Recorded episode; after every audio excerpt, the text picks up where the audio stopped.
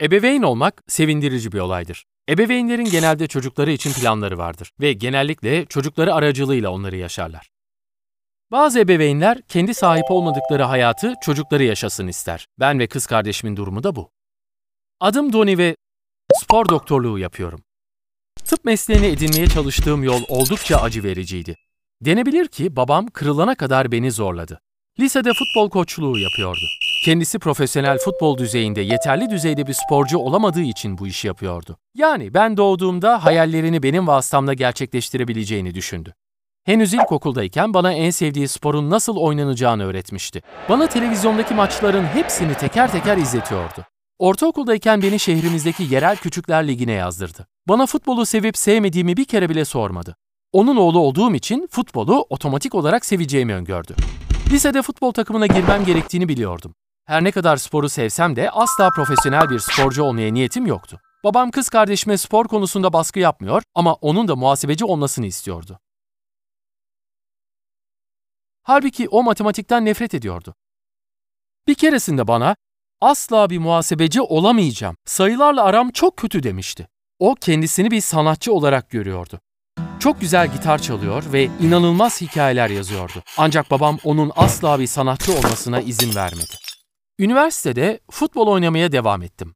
Babam bütün karşılaşmalara geldi ve her ne kadar okulda bir koçum olduysa da hafta sonları da bana koçluk yaptı. Bana profesyonel oyuncuların taktik videolarını izlettirdi ve desteklediği futbol takımının tüm maçlarına götürdü. İyi bir oyuncuydum ama bu babama yetmiyordu ve beni daha da zorluyordu. Her antrenmandan sonra bana evlat her şeyini vermiyorsun derdi. Bu durum gelecekteki futbol kariyerimi tamamen yok edecek olan kazayı geçirdiğim güne kadar devam etti. Playoff maçlarının birinde iki rakip oyuncunun sert müdahalesi sonucu diz çapraz bağlarımda dörtlü bir yırtılma gerçekleşti. Canım öylesine yandı ki az daha kendimden geçiyordum. Beni derhal teşhisin konduğu hastaneye götürdüler.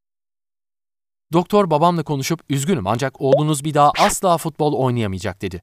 Bu haber babamın kalbine adeta bıçak gibi saplandı. Tamamen iyileşmem aylar aldı. Ancak babamla bu konuyla ilgili yüzleşmem için gereken cesareti toplamak daha da uzun sürdü. Ancak yine de her şey berbat değildi. Bu kazayla kariyer yönelimim tamamen değişti. Spor esnasında kazalar yaşayan sporculara yardımcı olmak istedim.